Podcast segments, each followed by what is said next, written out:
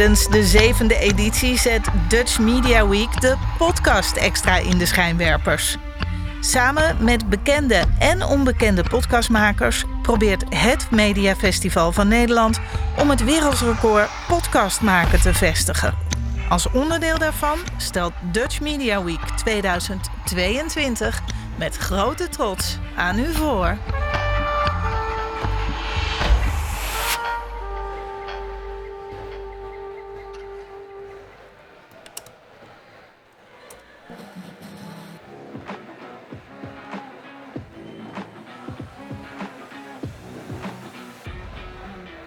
Vraag jij je ook wel eens af of de series en films van vroeger nog passen in het tijdsbeeld van nu?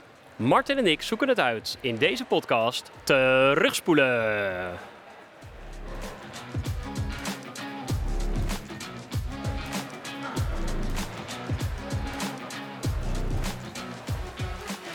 Jeetje, van harte welkom Martin. Zo, dit een ander geluid. Het is echt bizar, hè? We zitten niet aan onze eettafel. Nee, we zitten gewoon eh, niet bij jou thuis en we zitten eigenlijk ook niet bij mij thuis. Waar zijn we dan wel, Martin? Wij zijn in het, ehm, eh, op het Mediapark in het Museum van Beeld en Geluid. Nou, niet museum, het, beeld, Instituut voor Beeld en Geluid. voor Beeld en Ja, Geluid. Ik zeg dat altijd verkeerd. Nou, om ons even nog voor te stellen voor de mensen die nu live kijken of ons horen. Wij zijn Sander en Martin en wij gaan het hebben over een film vandaag van vroeger tijden.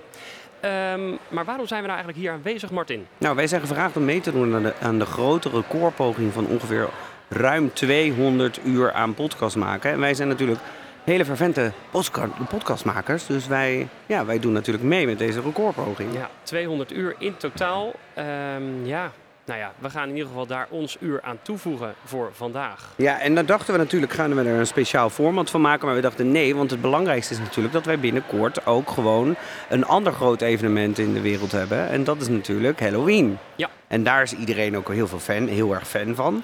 Ehm, en dat is ook de reden dat we dachten, nee, dan moeten we ons ook stick to the plan. We moeten dit ook op deze manier gaan doen. Ja, maar desondanks eh bekreeg ja toch wel een heel spannend gevoel, of niet, Martin?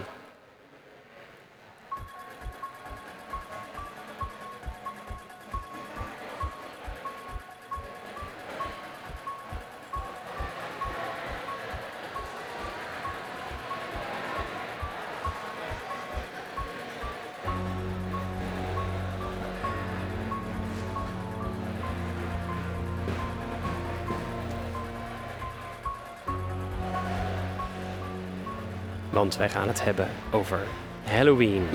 We hebben het al verklapt. Ja. En waarom hebben we het over Halloween vandaag? Omdat op 13 oktober in dit jaar, dat is dus over een kleine twee weken, komt het laatste deel van Halloween, namelijk Halloween Ends. Ja, uit. maar ik heb toch ook opgezocht dat dat misschien wel niet het laatste deel weer is. Je kan ook nooit zeggen dat het het einde is. Internet is gewoon niet. heel onbetrouwbaar. Ja, nou ja, Nou, deze film komt uit 1978 en het Maar- genre... Voor, ja, ik ga je toch even Ja, onderbreken. Hoorde je die muziek net niet? Ja, Deed dat je niet ergens aan denken? ja, dat doet me heel erg denken aan jouw grote vrienden, Bassie. Ja, heb ik niet, channel ik niet een beetje, channel ik niet een beetje onze grote helden, of tenminste mijn grote helden? Ja, je roept het wel een beetje over ons af. We hebben Het natuurlijk is- eerder maar- The Exorcist gehad. Daar zat ook al muziek uit, eh Bassie en Adriaan. Ja. en dat heb ik altijd, dat wist ik wel. En ik ga op dit moment, ga, of ik ga deze film kijken en ik hoor deze muziek en ik denk, nou, nou. Je wist dat niet? Nee, dat wist ik echt niet. Wist jij dit? Ik wist dit, ja. Ik wist dat het uit twee... Uit Exorcist, het komt uit allebei uit een horrorfilm. Wat Ja. natuurlijk heel bijzonder is voor een heel onschuldige Nederlandse kinderserie. Ja, dus Bassie en Adriaan gebruikten de Exorcist en ze gebruikten dus de Halloween theme elke keer als er spannende stukken Ja. kwamen. Ja, nou, spannend wordt het wel, want het genre van deze film is horror slash thriller. Ik heb nog even opgezocht. Hij staat op plek 41 van de horror top 250 van IMDb. Eh, en op de lijst van de engste films staat hij slechts op plek 67. Wat natuurlijk eigenlijk helemaal niet zo eh, spectaculair lijkt. Nou, dat klopt toch ook wel? Of ga ik dan nog te veel prijs geven? Dat gaan we zo meteen allemaal achterkomen. prima, prima. De regisseur is John Carpenter. Ja. En die heeft andere films geregisseerd, een hele hoop horrorfilms. Eh, bijvoorbeeld de film Christine, dat is met die auto van Stephen King. Oh, dat is die auto die zichzelf uitdeukt, toch? Ja. Dan heb je The Thing, die en, eh, nou, hij heeft ook alle Halloween-delen, vervolgdelen geschreven. En hij wordt dus ook de Master of Horror en Nou. Prince of Darkness genoemd. Nou, oké. En Prince of Darkness is ook een van zijn films, dus dat is grappig. Hij werd ook gevraagd voor de film Top Gun uit 1986. Dat wilde hij niet. Voor de mensen die toch benieuwd zijn naar Top Gun, die hebben wij in aflevering 54 besproken. En ook voor The Exorcist deel 3. Die hebben wij besproken in deel 21 Zijn van dit al onze gratis eh, podcast. feitjes? Of, eh, Dit zijn eigenlijk een soort gratis inside information, feitjes. Oké. Nou, dan denk je, daar hebben natuurlijk allemaal mensen meegewerkt aan deze film. Ja, bijvoorbeeld John Carpenter zelf, want hij heeft de muziek gemaakt. Hij componeert dat zelf op zijn synthesizer, eh, zoals de bekende tune van daarnet. Nou, dan hebben we een film van 1, minuut, eh 1 uur en 31 minuten. En dat is allemaal mogelijk gemaakt met een budget van 325.000 dollar. En dat, is het laagste ik- bedrag dat ja. we tot nu toe voorbij hebben Toch? gekomen. Ja. Dat is echt wel zo. Daarentegen bracht hij wel ruim 47 miljoen dollar op. Ja, maar is dat, ik vraag me dan altijd af, daar moeten we eigenlijk een keer dieper in duiken. Of dat nou is dat het, dat het de 47 miljoen nu is, of dat het toen 47 miljoen opbracht. Want eigenlijk, als je het zo bekijkt, als het heel lang is, dan is het eigenlijk niet veel. Toch? Want hij bestaat uit 1978. Dus dat betekent dat we, als je het allemaal bij elkaar optelt, dan zou je toch verwachten dat iets meer is. Het cult. Nou, dat weet ik niet. Het is natuurlijk ook weer niet een film die... Ja, ik word natuurlijk jaarlijks met Halloween is het weer een knaller. Maar het is niet alsof het nou voor een breed publiek is van kinderen die dat eindeloos willen zien. Nou, ik weet het niet. Daar zouden we een keer achteraan moeten Hmm. gaan. Komen we dus op terug, maar dan bij een volgende aflevering. Ja, klopt. Ik schrijf het nu op mijn lijstje. Dan hebben we eh, nog een prijs voor deze film. Hij heeft namelijk een Saturn? Award gewonnen voor de beste DVD slash Blu-ray collectie. Eh, dat is dus achteraf. En die hele collectie, ja, dat is veel later ook pas. Eh, want ehm, dat was voor Halloween deel 1, deel 2, deel 3, The Season of the Witch. Ja. Deel 4, The Return of Michael Myers. Deel 5, The Revenge of Michael Myers. Deel, daarna, The Curse, of Michael, Myers, die niet deel 6 heet. Halloween Age 20, dat is 20 jaar later. En uiteindelijk Halloween Resurrection. Kopen dus. Uit 2002. Ja, en Ik dan, heb daar straks nog wel wat leuks over. dat vind ik leuk. Eh, en er komt dus nog een nieuw deel bij. Op IMDb krijgt hij een, eh, nou, best aardige 7,7 als beoordeling. Maar dan komen we bij onze vrienden van Rotten Tomatoes. En die hebben een 96% score van de critics. En een 89% van de audience. En dat geeft wel aan dat dit toch wel een soort stukje cult en liefhebberij van veel mensen is. Ja, ik heb echt niet gestemd, maar oké. Nou, er zijn een hele hoop kleine rolletjes in deze film en ik ga er een paar uitlichten die van belang zijn voor het verhaal. Dan hebben we namelijk eh, als best betaalde acteur, dat die is de volgorde die ik een beetje aanhoud, Sam Loomis. Eh, hij is een dokter en zijn echte naam is Donald Pleasance. Je kunt hem kennen van Halloween deel 2 en deel 4, maar hij komt bijvoorbeeld ook voor in de James Bond film You Only Live Twice. Eh, dat is de vijfde James Bond film. En daar speelt hij Ernst Stavro Blofeld, de slechterik. Hij heeft ook een rol in THX 1138. Dat is een film van George Lucas. En hij speelt ook in The Great Escape, waarbij allemaal oorlogsgevangenen willen ontsnappen uit een Heb- Duits Heb jij die gevangenkamp. gezien? Nee. Of niet? Die, Nee. eh, die Ernst Stavro Blofeld. Ja, die heb ik zeker gezien. Ja? Ja. Want dat is een film van George Lucas. Nee, THX, THX 1138. Oh ja, oh ja. maar ik hou ook erg van James Bond, dus ik heb die gewoon allebei. Je hebt ze eh, allemaal gezien. ja. Oké, tof. Dan hebben we hoofdrolspeelster Laurie. Ja. Zij wordt gespeeld door Jamie Lee Curtis. Nou, die kun je kennen van met name de Halloween-films. eh, in True Lies. En zij wordt zelfs bijgenaamd de Queen of Screams. Ja, hoe zou dat nou komen? En zij speelt in de horrorfilms meestal de rol van Final Girl. En daar ga ik op het eind nog even op terugkomen. In de feitjes? In de feitjes? Oeh. Nee, nee, daarvoor zelfs nog. Oh. En zij speelt ook een rol in Halloween Ends. Dus de film die misschien dit jaar en misschien op een ander moment uitkomt. Dan hebben we Annie, dat is een vriendin van Laurie. Ze wordt gespeeld door Nancy Kais eh, van Assault on Precinct, Precinct 13. Dat is de film van John Carpenter die uitkwam voor Halloween. En zij heeft ook gespeeld in Halloween deel 3. Ik vroeg me af of, of hier nou het lied van Michael Jackson op geïnspireerd was. Tijdens het kijken dacht ik, is dit, is dit hetgene dat hij dacht, Annie, are you okay? Of Ja. niet? Dat Ja, is of- echt duidelijk. Uit dat thriller waarbij is, dat, eh, ze allemaal staan te kijken wat er allemaal gebeurt. Ja. Dan hebben we Michael Myers. Dat is eigenlijk de antagonist in deze film. De volwassen versie wordt gespeeld door Tony Moran. Die speelt het lijf. En Nick- de acteur, eh, de stunts doet hij. En Nick Castle, die speelt het lijf. Het lijf. Ja, dus hij speelt zeg maar gewoon het personage die het masker op heeft. Ja, En de stunts worden dan gedaan door Tony Moran. Dus als Oh, hij ja. naar beneden valt of zo, dan, ja. dan doet hij dat. ja. Eh, er worden in totaal vijf mensen gebruikt voor zijn rol. Zo is er ook nog een zesjarige, die wordt gebruikt voor de kinderrol. Ja. En in de vervolgdelen werd er een eh, wat, wat dikkere man die de rol speelde. En daardoor zat het masker wat strakker. Wat beter misschien ook. Of niet? Dat is natuurlijk de grote vraag. Oké. En we sluiten af met Lindsay Wallace, gespeeld door Kyle Richards. En die komt volgens mij in de komende film ook weer terug. Eh, dus dat wordt spannend. En zij is nergens van bekend. Nou. Eh, we hebben geen synopsismuziek vandaag, hè? Nee, dat is prima. Lekker Doen we rustig. ook niet, omdat we best wel veel achtergrondmuziek hebben. Nou, ik neem jullie mee naar Halloween in Haddonfield, 1963. Daar vindt een enorm drama plaats. Iemand gaat een huis binnen en steekt een jonge dame dood. En buitengekomen blijkt dit de als clown verklede zesjarige broer van Judith te zijn, Michael Myers. Bebloed en met het mes in zijn hand treffen zijn ouders hem voor het huis aan. 15 jaar lang wordt deze Michael Myers in een sanatorium opgevangen en gevangen gehouden. Dr. Sam Lewis, dat is dus die Donald Pleasance, is zijn psychiater en die vindt dat Myers ook voor altijd gevangen zal moeten blijven. Hij komt dus ook langs met een collega, maar Michael Myers steelt hun auto en die rijdt met gierende banden naar Haddonfield. In Haddonfield is het nog wel gezellig. Daar maken we kennis met Laurie, dus. Jamie Lee Curtis, en haar twee vriendinnen Annie en Linda. Laurie's vader is makelaar en die gaat het oude huis van de Myers verkopen aan iemand. Dus Laurie die merkt dat ze achtervolgd wordt door iemand. Ze ziet elke keer een gestalte staan die naar haar kijkt of die langs rijdt met de auto. En ze is daar een beetje bang voor. Maar haar vriendinnen die wuiven dit weg van er is niks aan de hand. Nou, met Halloween besluiten de drie vriendinnen alle drie op te gaan passen. Laurie past op jongetje Tommy, Annie past op meisje Lindsay en Linda die past op haar vriend Bob. Wink, wink. De huizen van de families staan vlak bij elkaar aan de overkant van de straat.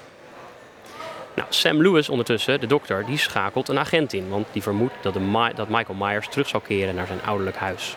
Maar hij duikt maar niet op.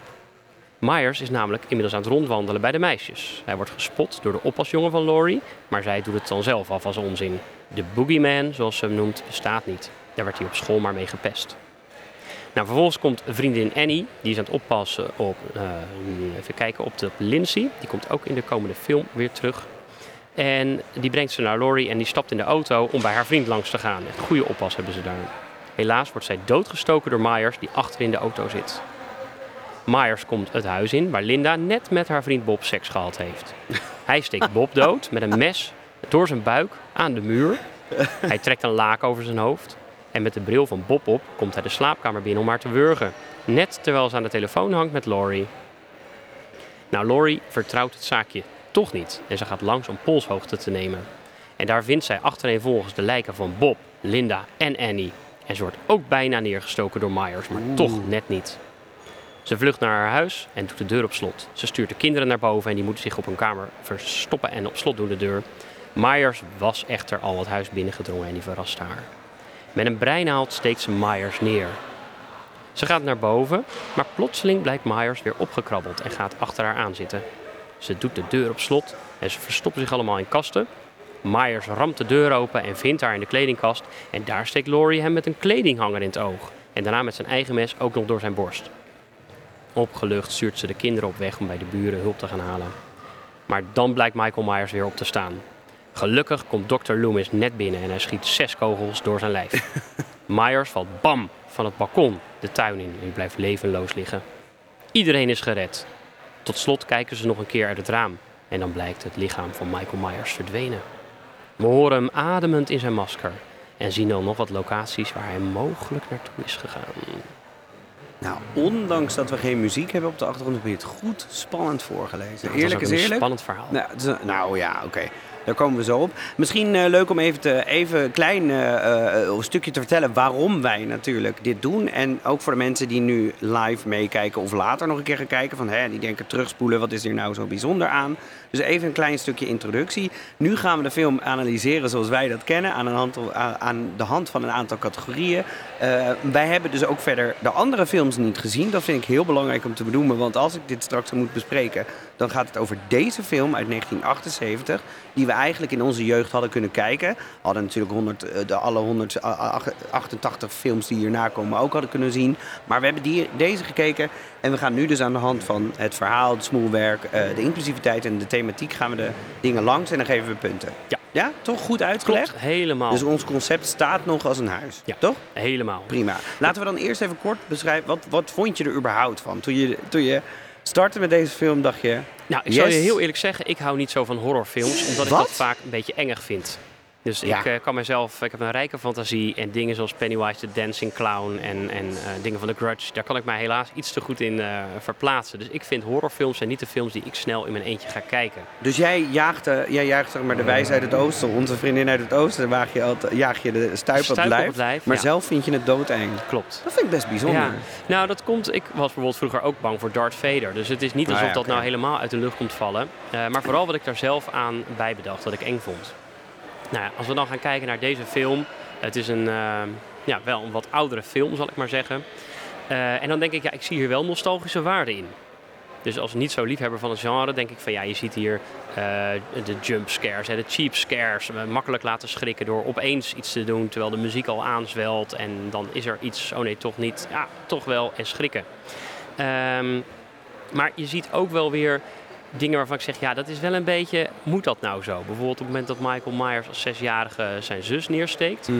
eh, dan draait op een bepaald moment die camera weg. Terwijl je eigenlijk Ja. door zijn ogen kijkt. Waarom Ja. zou hij weg gaan kijken zo, terwijl die aan de andere kant het steken is? Ja, ik vind dat, Ongeloofwaardig. ik vind dat niet zo. Dan is het echt gedaan van dit is spannend en voor, eh, voor het cinematografisch effect, denk ik dan. Dan komen we terug op het smolwerk. Toen, ik vind dus horrorfilms wel ontzettend leuk om te Ja, kijken. dat is echt jouw ding. Ja, het is, het is mijn ding. Om twee redenen. Ik vind het super spannend. En je valt er nog heel veel van af. Tenminste, dat heb ik ooit eens een keer in een wetenschappelijk onderzoek gezien. Je dus het meeste afvalt van horrorfilms kijken. Hoe chill is dat? Dan zit je gewoon een horrorfilm te Zo heb ik kijken. en. Ja, dat is Ja. zo. Want je hartslag hart, slag gaat omhoog. En nou, je, nou, die extra kilocalorieën eraf gaan. Super chill. Dus ik vind dat altijd heel leuk om te kijken. Ook in mijn eentje. Wel deuren op slot. En zorgen dat er niemand binnen kan komen. Elk eh, dingetje ben ik, ben ik wakker. Maar ehm, ja, dit was wel echt. Deze was wel pittig om doorheen te komen hoor. En dat had ik toch. Dat had ik later. Dat had ik bijvoorbeeld toen we de Ex- Exorcist hebben gedaan. Vond ik dat veel minder moeilijk. Oké. Dus dat vond ik veel minder moeilijk. Maar deze was echt wat ik dacht, oké, pittig. Maar misschien is het dan goed om nu naar het verhaal te gaan. Dus de eerste categorie Ja. die gaan we eh, gaan ranken. Wa- ja, eh, wat, wat hoort er onder verhaal? Ja, we gaan kijken, past het verhaal nog in deze tijd? Denk aan storytelling, de manier van opbouw, de dialogen die we hebben, de snelheid, gelaagdheid, et cetera. Is er een goede, is er eh, een goede opbouw en wat vinden we daarvan? Ja. Nou, wil je dan ook gelijk beginnen of denk je van nee, doe jij Nou, maar? ik wil dan met, een, met een, een positief iets beginnen. Oh, en dat, dat is is eigenlijk de beginscène. Dat is met die ogen ja, door toch, het toch masker. wel, ja. ja. Je ziet dus iemand lopen en dat blijkt opeens dan een jongetje te zijn. Dus je denkt natuurlijk van dit is een vreselijke slachter. En die natuurlijk Ja. steekt hij die vrouw overhoop. Ja. Dat, is, dat, is, ja, dat is natuurlijk gedoemd Ja. om te gebeuren. Eh, en natuurlijk kijken ze elke keer net weg, waardoor ze die persoon ook niet zien lopen. Ja. Maar toch vond ik het wel een mooi beeld. Ik vond het mooi in elkaar zitten, hoe er dan vanuit het, het de Maar- van de persoon gekeken. Ik mag eerst uitpraten. Ja, En dat er vervolgens dan zo'n zo'n jongetje blijkt te zijn. Ik van nou, ze zetten wel meteen wat neer. Eh, ze zijn wel twee dagen bezig geweest met het filmen van deze beginscène. twee dagen? Twee dagen, ja. Ja. omdat het dus een bepaalde manier van filmen Ja. is. Ja. Omdat er zo'n masker precies op dat... Het Klopt. gaat natuurlijk heel houtje touwtje Ja. in 1978. Maar is past dat niet eerder dan... Is dat niet het smoelwerk? Dat Nou. je, want waar we later op komen, het verhaal... ja, maar het is wel verrassend. het je- Ja, Eh. Dat je denkt van dit is, dit is best wel uit de context. Ja, Eh, oké. we zien niet vaak dat een jongetje dan zijn zus overhoop steekt. Nee, dat is waar. Ja. Dat is waar. Eerlijk is eerlijk. Eh, heb je dan maar de rest van het verhaal? Nou ja, we gaan natuurlijk de, naar 15 jaar later en dan... Nou ja, ik heb moeten opzoeken wat nou de reden is dat Michael Myers achter die meisjes aan zit. Is dat jou duidelijk geworden? Nou, dit is precies mijn grootste falen van dit verhaal. Want er zit geen verhaal in. Het is letterlijk alleen maar... Er is een scary guy. Die, hij, gaat, hij, hij ontsnapt ergens uit. Er zit een psy- psycholoog of een agent, of wat het ook is, helemaal niet duidelijk, zit achter hem aan. En dat is het. En die, en die man die valt gewoon dingen lastig. Valt van mensen lastig. Vooral meiden lastig. Ja. En ik heb dus ook op moeten zoeken, wat is nou dit verhaal? En toen kwam ik dus ook achter echt best wel iets bijzonders. Namelijk het feit dat deze hele franchise van Halloween, eh, die heeft gewoon een soort van multiverse in zich zitten. Dus wij hebben altijd een multiverse aan, aan, aan, eh, eh, hoe heet dat, aan Disney, Marvel en, en weet ik veel, Star Trek, Star Wars, altijd multiverses. Maar dit is eigenlijk ook één grote multiverse. Want jij zegt, wij hebben Halloween 2 en dan heb je Halloween 4, 5 en, 5 en dan de 6 die er niet bij hoort. Die volgen wel op elkaar. Ja. Maar Halloween 3, die dus 20 jaar later heet, dat is een aftakking. Die, laat eigenlijk, eh, die gaat na 2 door. Daar komt Halloween Resurrection uit 2002 uit. Ik ga dit plaatje delen op, de, op onze socials, want dan Daar snappen zijn we mensen heel het ook. benieuwd naar. Maar dan komt er in 2018, denken ze, we gaan met Jamie Lee Curtis gaan we nog een keer opnieuw opstarten. En dat doen we weer met Halloween. Wat weer een direct gevolg is op Halloween, de film. Ik snap het zelf al bijna niet meer. Het is goed getekend hier, dus dat is heel mooi. Dus dat is dan een direct vervolg. Dat laat alle andere delen laat dat achter zich. Die denken, nou, een hartelijke groeten, daar doen we niet mee. En dan komt Halloween Kills en nu komt Halloween Ends. Uit die tijdlijn weer. Ja. En dan heb je ook nog wat En losstaande... er zijn ook wel een aantal remakes. Ja, ook nog van een de aantal... oude films. Ja, een paar 2002, losstaande. 2007. Zo van die rare dingen. Nou, ik dacht echt bij mezelf... Als ik één ding, een ongelooflijk faillissement, heb ik al eerder gezegd, een de- defect vind van een verhaal in een film, is het dat je het op moet zoeken. En waar hadden we dat ook? Eh, bij menig film. eh, Bij- Exorcist. Exorcist. Ja. Dus precies weer Ja. een horrorfilm. Alsof wij vroeger in 1978 zoiets hadden van, Internet nou, weet je, het en is, dan... eh, ja, het is spannend, is prima, maar we hoeven niks uit te leggen. Nee. Pas in film 2 werd duidelijk waarom ze werden uitgevonden. Waarom, even voor de, voor de mensen, waarom werd het, zit hij achter ze aan? Ja, wist jij het of niet? Nee, Nou, wist jij het? Hij, wat dat dus is, eh, zijn zusje in de beginscène, zijn wat oudere zus, die moet ook op hem oppassen op Halloweensavond. En in plaats van dat ze met hem gaat trick-or-treaten of gaat knutselen of pompoenen gaat carven, gaat ze seks hebben met haar vriendje. En het is een soort van, van jaloezie of een soort van bezittingsdrang of een soort van hij is niet helemaal goed in zijn hoofd, dat zal er ook wel mee te maken hebben.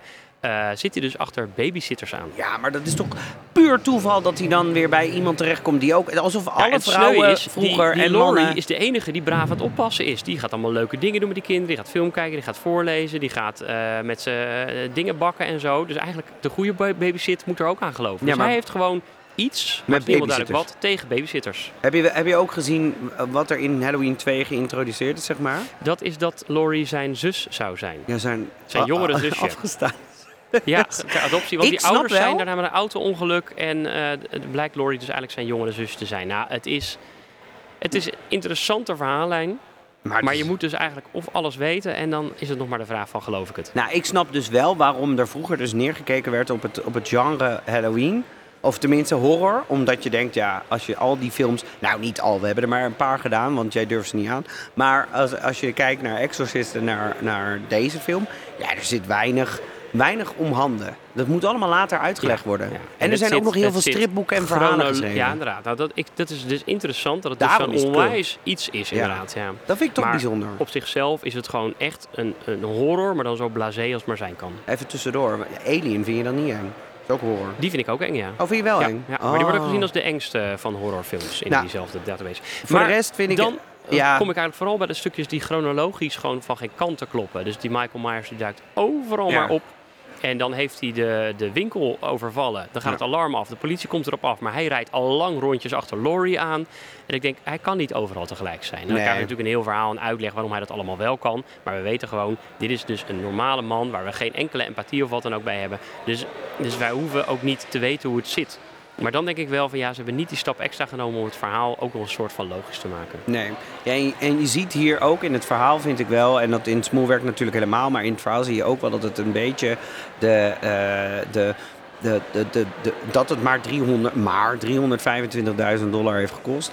Want het is ook niet zo bijster intelligent allemaal, het verhaal. Nee. Het duurt ook allemaal lang. De scènes duren lang. En ik kan wel begrijpen dat als je er nu naar terugkijkt... dat je een soort van nostalgische gevoelens krijgt van een opbouw van iets. Maar je denkt elke keer, komt er nou wat en er komt niks. Nee. En het is allemaal een beetje zo mak. Je Nee, wil maar eigenlijk de hele tijd je wij telefoon zijn ook pakken. wel veel en- gewend hè, aan, aan Ja, nu. dat is dus ik ben het. niet zo naar de telefoon gegaan. Want ik vond dit nog wel interessant genoeg. Omdat ik echt dacht, jij zit naar een stukje geschiedenis te kijken. Van zo zaten horrorfilms dus in elkaar. Ja, toen. En nu maar als willen je- we dat niet meer zo. Nee, we kunnen hem nu niet- continu bang gemaakt worden. Anders dan ga je je Nee, telefoon kijken. Dus ja. wij zijn eigenlijk wat dat betreft ook Ja. verpest. Eerlijk is eerlijk. Ja, dan komen we dus bij een lastig iets. Ik wil namelijk graag punten gaan geven voor eh, het verhaal. Maar dan kijk ik dus naar hoe het verhaal mij nu in 2022 bevalt. Ja. En niet in hoe het in 1978 Nee, was. Want 1978 precies. zou ik zeggen, nou, dikke pluim. Voor John Carpenter. Echt? Ja, vind ik best wel oké gedaan.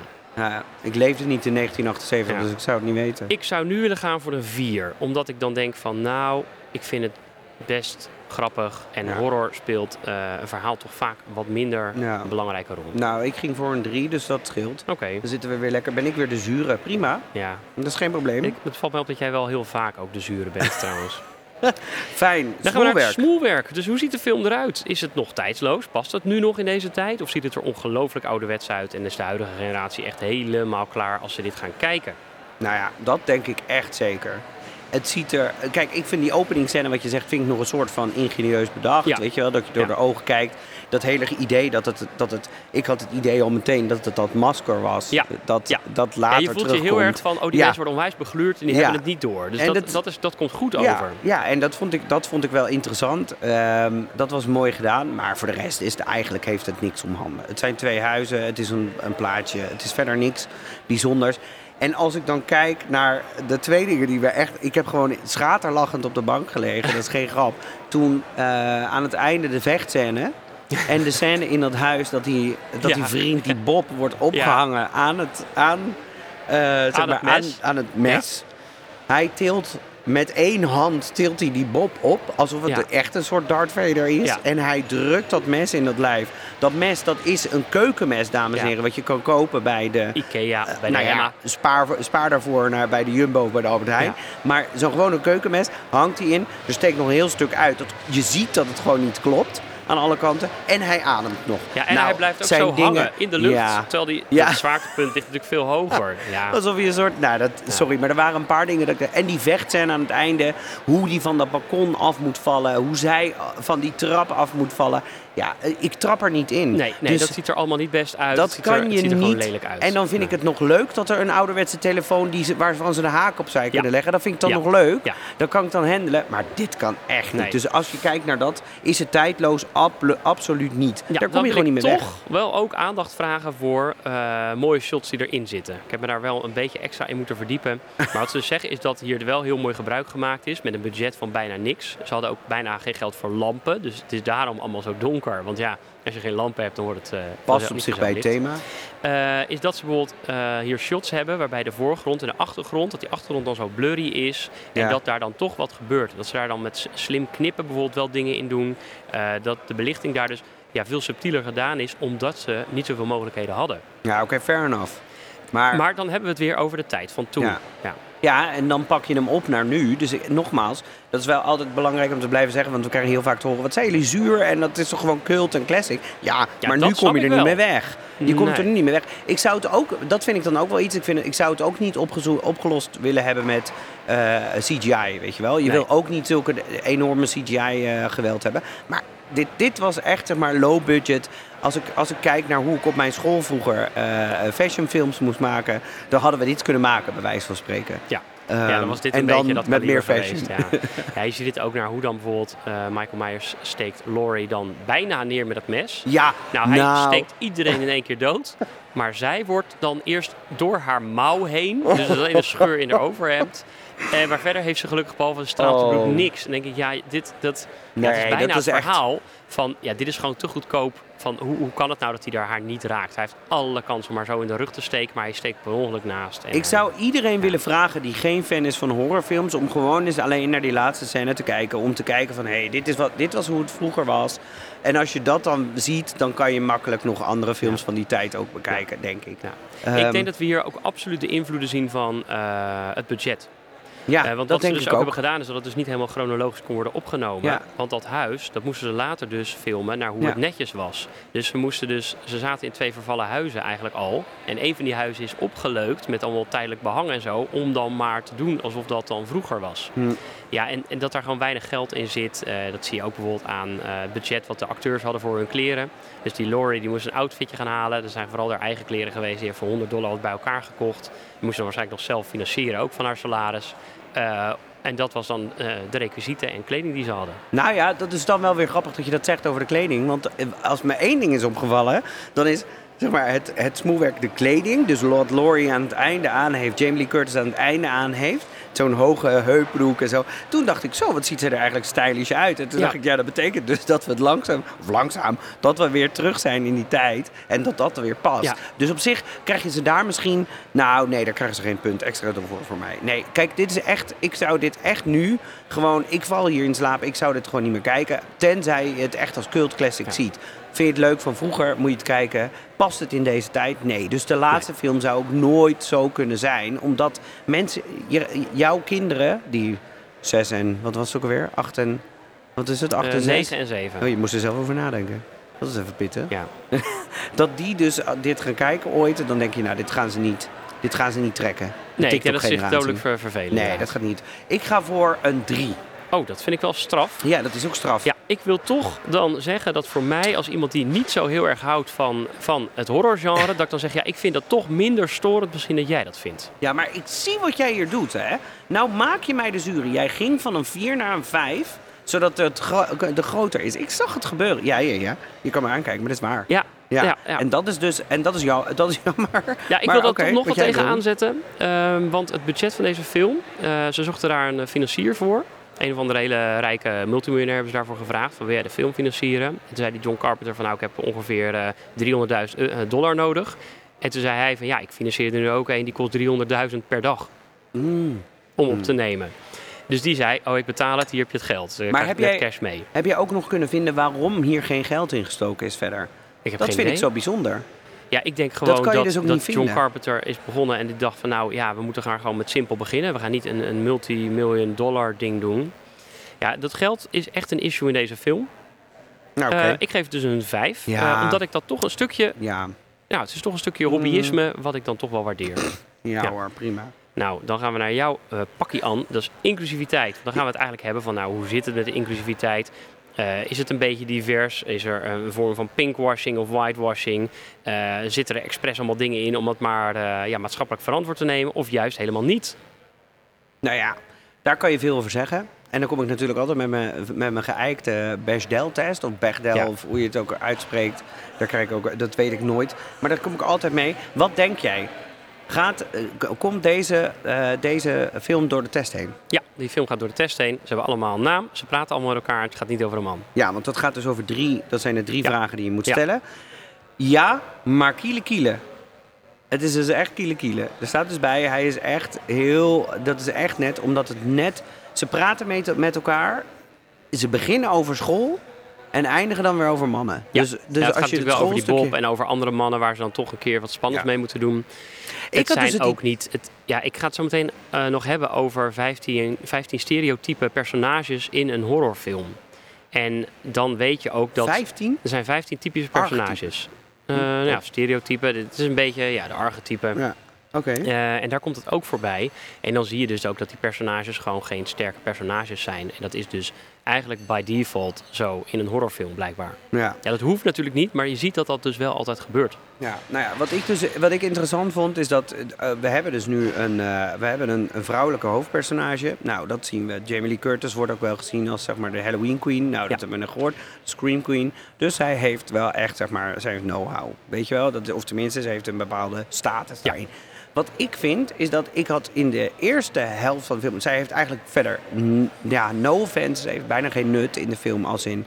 Er zit, er zit er echt weinig backstory in Ja. voor haar.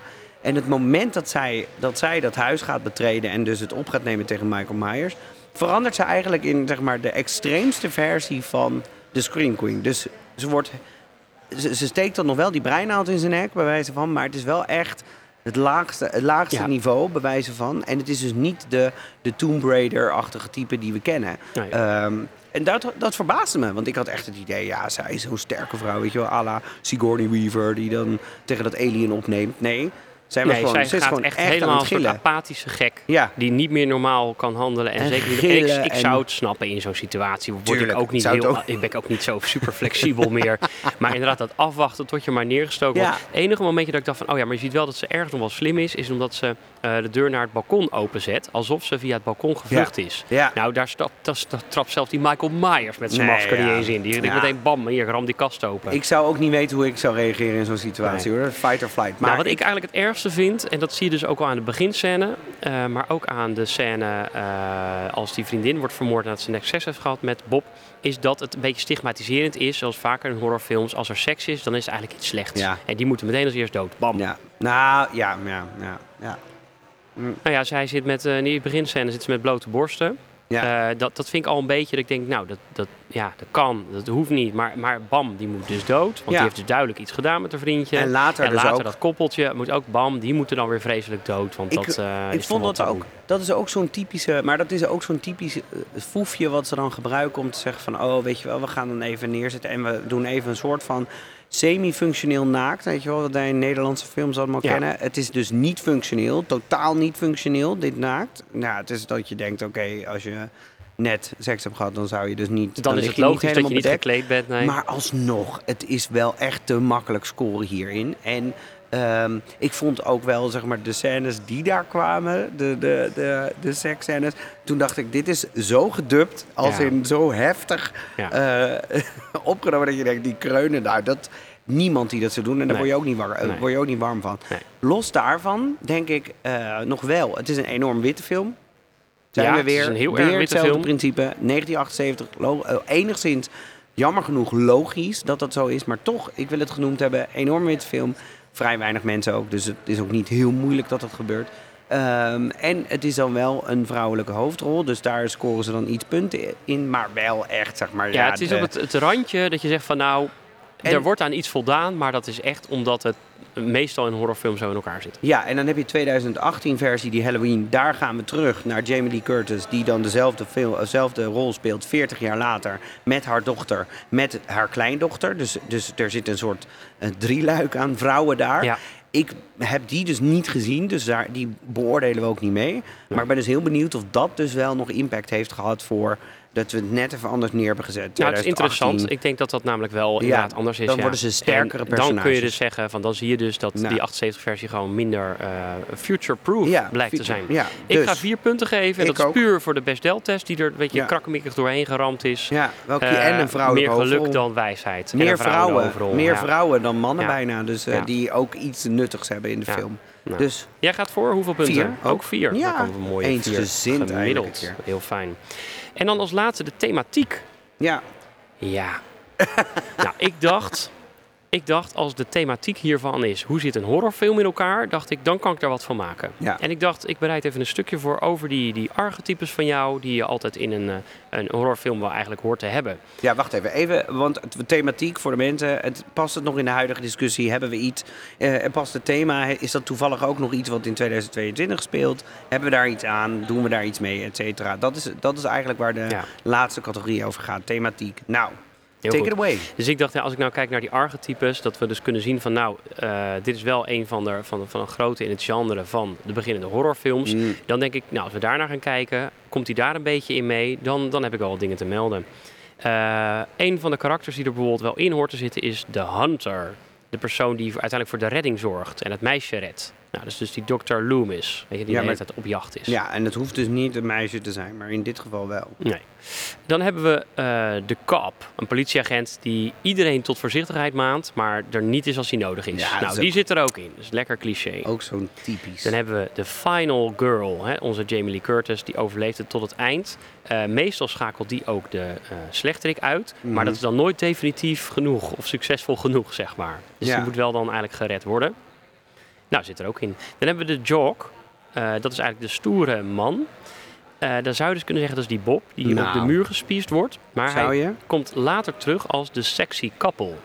En ik denk dat zij eerder Ja. de sexy couple zijn. Nou Want ja. dat is namelijk het setje dat als eerste doodgaat. Want ze hebben seks gehad en dat is dan slecht. Ja, oké, fair en enough. meestal zijn ze heteroseksueel, heteronormatief. Want seks voor het eh, huwelijk is slecht en dus ook gevaarlijk. Dus Dit heb jij zo gevonden, dus hè? Dit is niet wat Nee, jij vindt. Nee, nee, dit is de sexy couple. Ja. Dan hebben we de bad girl. Nou, dat zou dus eigenlijk die Linda zijn, want die is het tegenovergestelde van het goede meisje, maar die hoort ook bij het koppel. Dan hebben we, ook heel belangrijk, de killer. Het personage dat gewoon al die mensen wil afslachten en daar nou ja, al dan niet een Nou. nou ja, motief voor heeft. Drie die zit erin. Ja. Dan hebben we de skeptic, dat is dus die Annie. Nou, Ja. Die gelooft niks van de achtervolger en die drijft er de spot mee. Nou, die gaat meestal dus ook dood. Nou, dat zit er dus ook in. Maar dan ontbreken er wel een paar figuren. Eh, ook wel interessant voor die diversiteit. Namelijk de token. Die ene obligate aanwezigheid van een persoon die ervoor moet zorgen dat er diversiteit en inclusiviteit in de film zo zit. erg. Ja, Het nou, is zo die zit er, erg. zit er dus niet in. Dat is toch Dus- erg. Aan de ene kant vind ik dat bijna een pluspunt, ook voor die, voor die inclusiviteit van de net. Maar aan de andere kant is het ook dit, we weten dat die erin zit. Een beetje de red shirt van eh, Star Trek. Ja. Eh, de hysteric, de persoon die we als publiek allemaal haten en die Ja. er als eerste uit moet, die zit er eigenlijk ook niet echt in. Nee, maar die heb ik wel vaak nodig. Ja, eh, de old person die iets weet, belangrijks weet over de moordenaar. Hmm. Ja, die zit er dus eigenlijk niet echt in.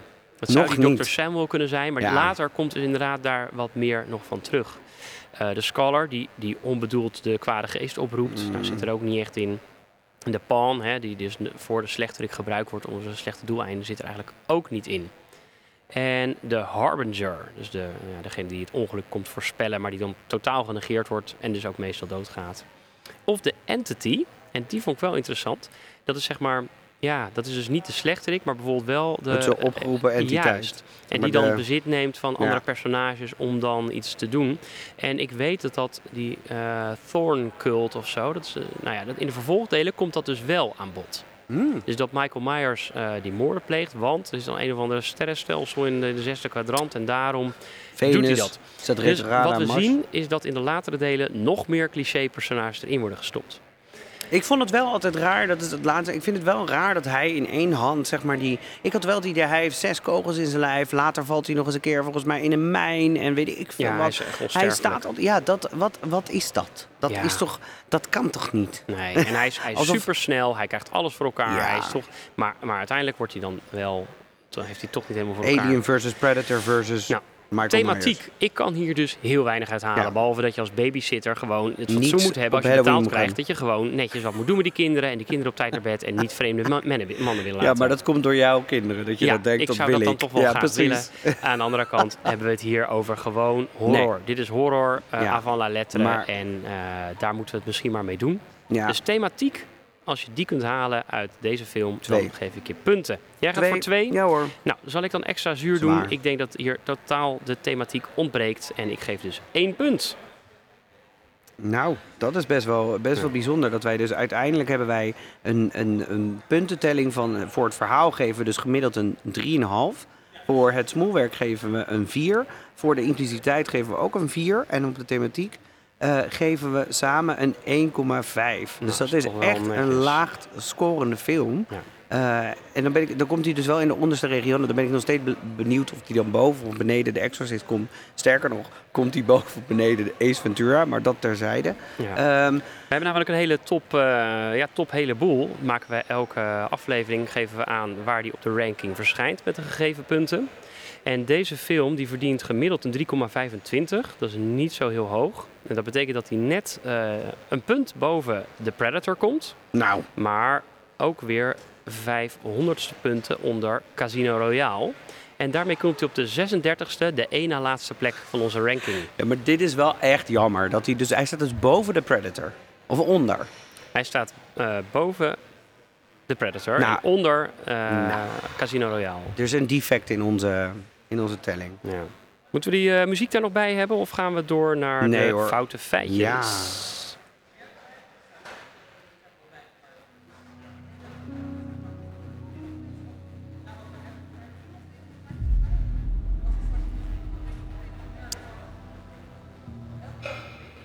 Want wat doen wij elke keer? Wij gaan tien feitjes noemen, waarvan er eentje niet klopt. De andere negen kloppen dus allemaal wel. En het is de taak aan Martin om erachter te komen. Wat is het feitje Oké. dat er niet bij hoort? Ik ga zitten. En om alvast een spoiler te ver- eh, verklappen, er zit een fout feitje bij dit wel? keer. Oké, Ja. sorry. Ja. Allereerst, Ja. regisseur John Carpenter. Die is groot fan van Hitchcock en die wilde daarom graag Jamie Lee Curtis inschakelen voor deze film. Haar moeder had namelijk een rol in de film Psycho van Hitchcock. En het is dus een beetje een eerbetoon aan haar. Oké. De tweede, Ja. dit was je misschien al opgevallen, de oorspronkelijke titel was The Babysitter Murders. Dat is een boek? Nou, het script hiervan is, eh, heette The Babysitter Murders. Maar dat speelde tijdens meerdere dagen. En vanwege het budget werd uiteindelijk gekozen voor een film die zich op één dag afspeelt. Namelijk Halloween, de spannendste dag van het jaar. Hè? Oké. Nou, oké. Die twijfel ik al aan. Ja. Nou, de keuze voor het masker, dat was een interessante. Er waren meerdere mogelijke maskers. Ze hadden er bijvoorbeeld eentje van Emmett Kelly, zo'n clownsmasker. Omdat dit mooi paste bij hoe Michael zijn zus vermoordde. Maar de keuze viel uiteindelijk op een masker van James T. Kirk... dat men voor een euro in de winkel kocht. En is witspoot en is- de bakkenbaarden eraf haalde. Dus zo. het is gewoon, het is gewoon een Star Trek. Ja, klingend Oké. aan de starboardbouw. het geluid van de messteken. Welke dat. messteken? Van als hij steekt met een mes. Hij, Hij steekt, steekt toch in mensen. Hij steekt in het begin in zijn zus. Hij steekt later Ja, al die mensen Ja, de keel ja. door. Maar dat is eigenlijk het geluid van een mes dat in een meloen hakt. Zo, zo. Ja, ja dat is toch gezond. En Meloen. geen pompoen? Nee, Hey, hey, die komt hey. zo meteen nog. Oké. John Carpenter die kwam op het idee van Michael Myers, het personage, doordat hij in zijn jeugd eh, een keer een tripje had naar een psychiatrische inrichting met school. En daar kwam hij een kind tegen dat hem alleen maar aanstaarde met een hele duistere blik. En Michael Myers werd dus ook zo uitgevoerd dat het publiek op geen enkele wijze een relatie zou kunnen voelen tot hem. Zo emotieloos was het personage. Wat, wat ga je doen? Wat bezielt je om naar zo'n gesloten inrichting te gaan? Ja, dat vertelt het verhaal niet. Nee, ja, dat is toch raar? Dat doe je toch niet? Ja. Als school? Nou, stel je voor, jij hebt 325.000 dollar beschikbaar voor je film. Dan zou het zomaar kunnen zijn in het geval van deze film dat de helft van het budget ging naar de aanschaf van camera's. Nou, dat geloof ik ook echt Ja. meteen.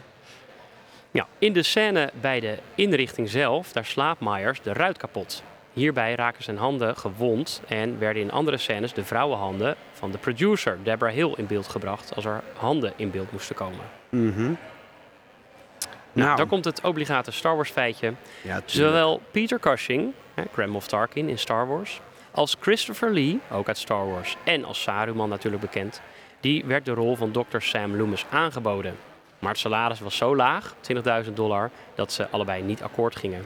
En Christopher Lee noemde dit later achteraf de grootste vergissing in zijn carrière. Waarom? Omdat hij nog maar eh, iets van maandelijks dan geld kreeg op zijn rekening of zo voor de cultstatus? Ik Wat- heb Christopher er- gebeld, hij En? nam niet op. Ai, Eh, dus ik hoop later nog een rectificatie te geven en dat hij nog even een reactie kan komen geven.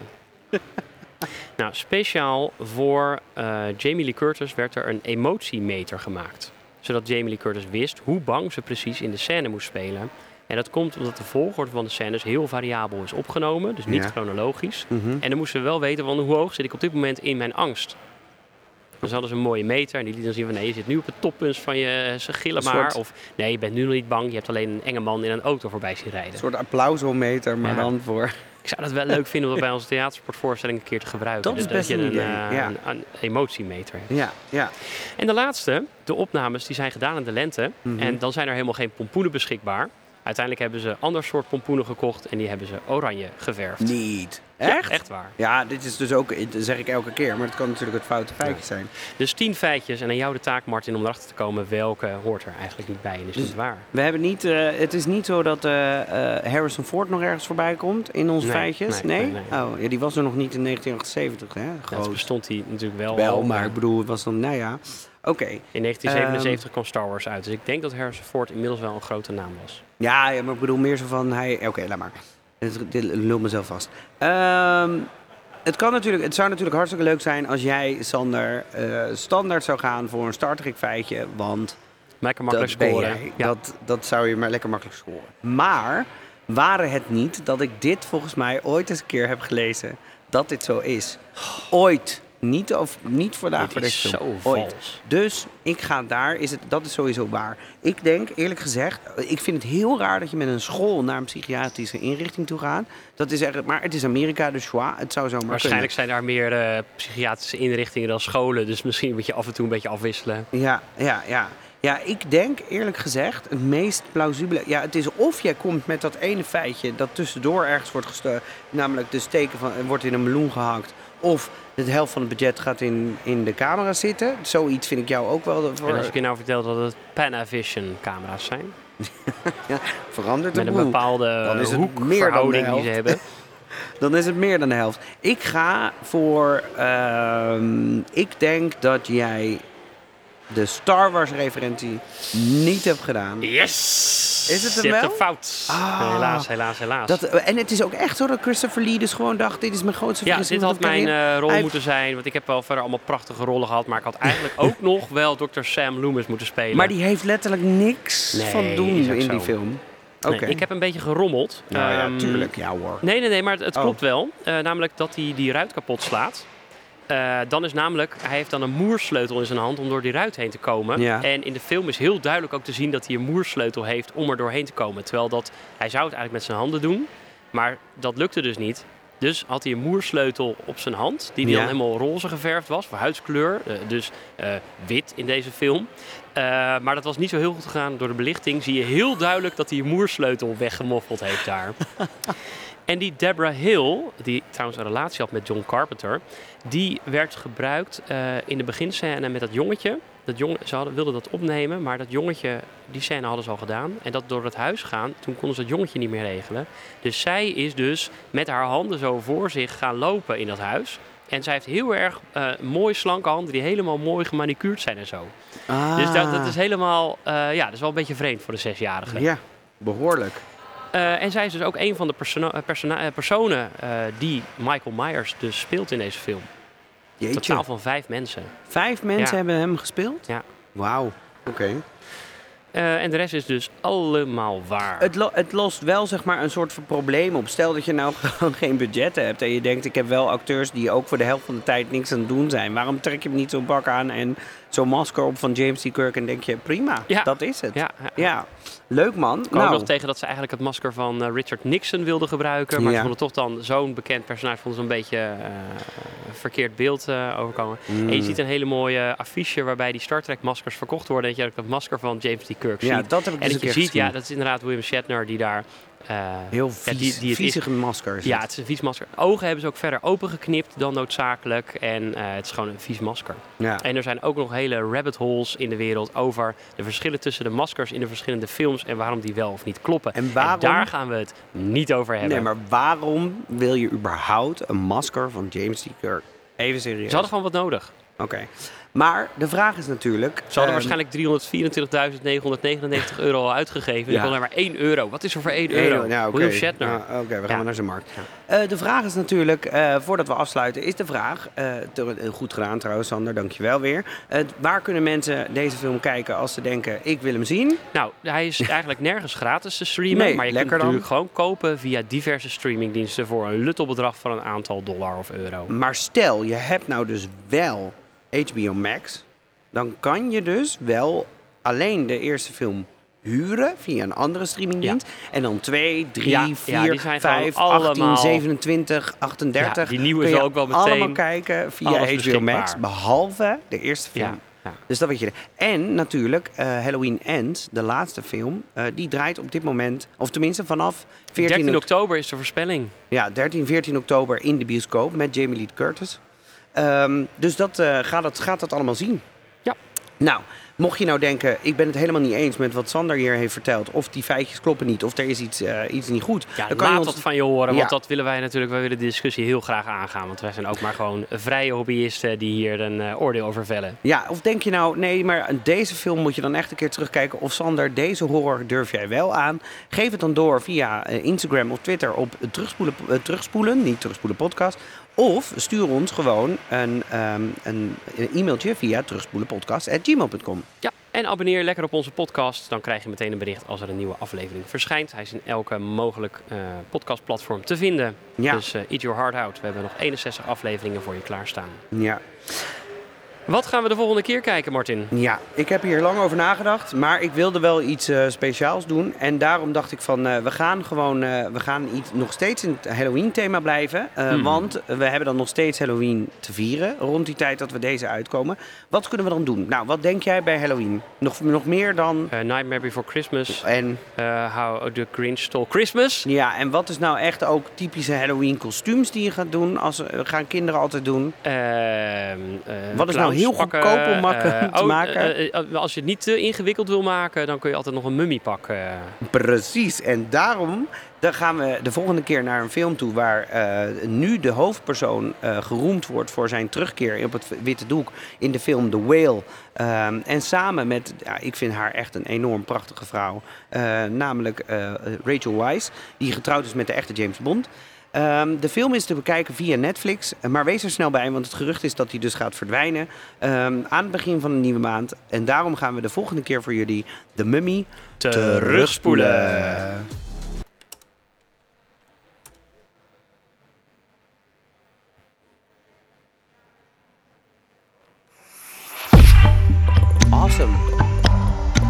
Je luistert naar de recordpoging podcast maken van Dutch Media Week 2022.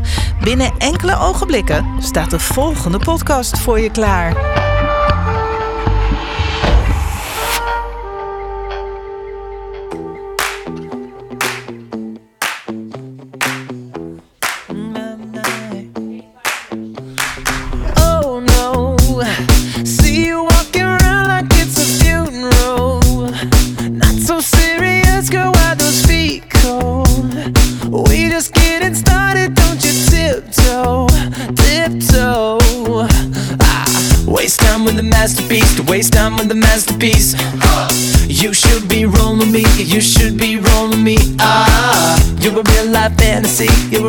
my fantasy.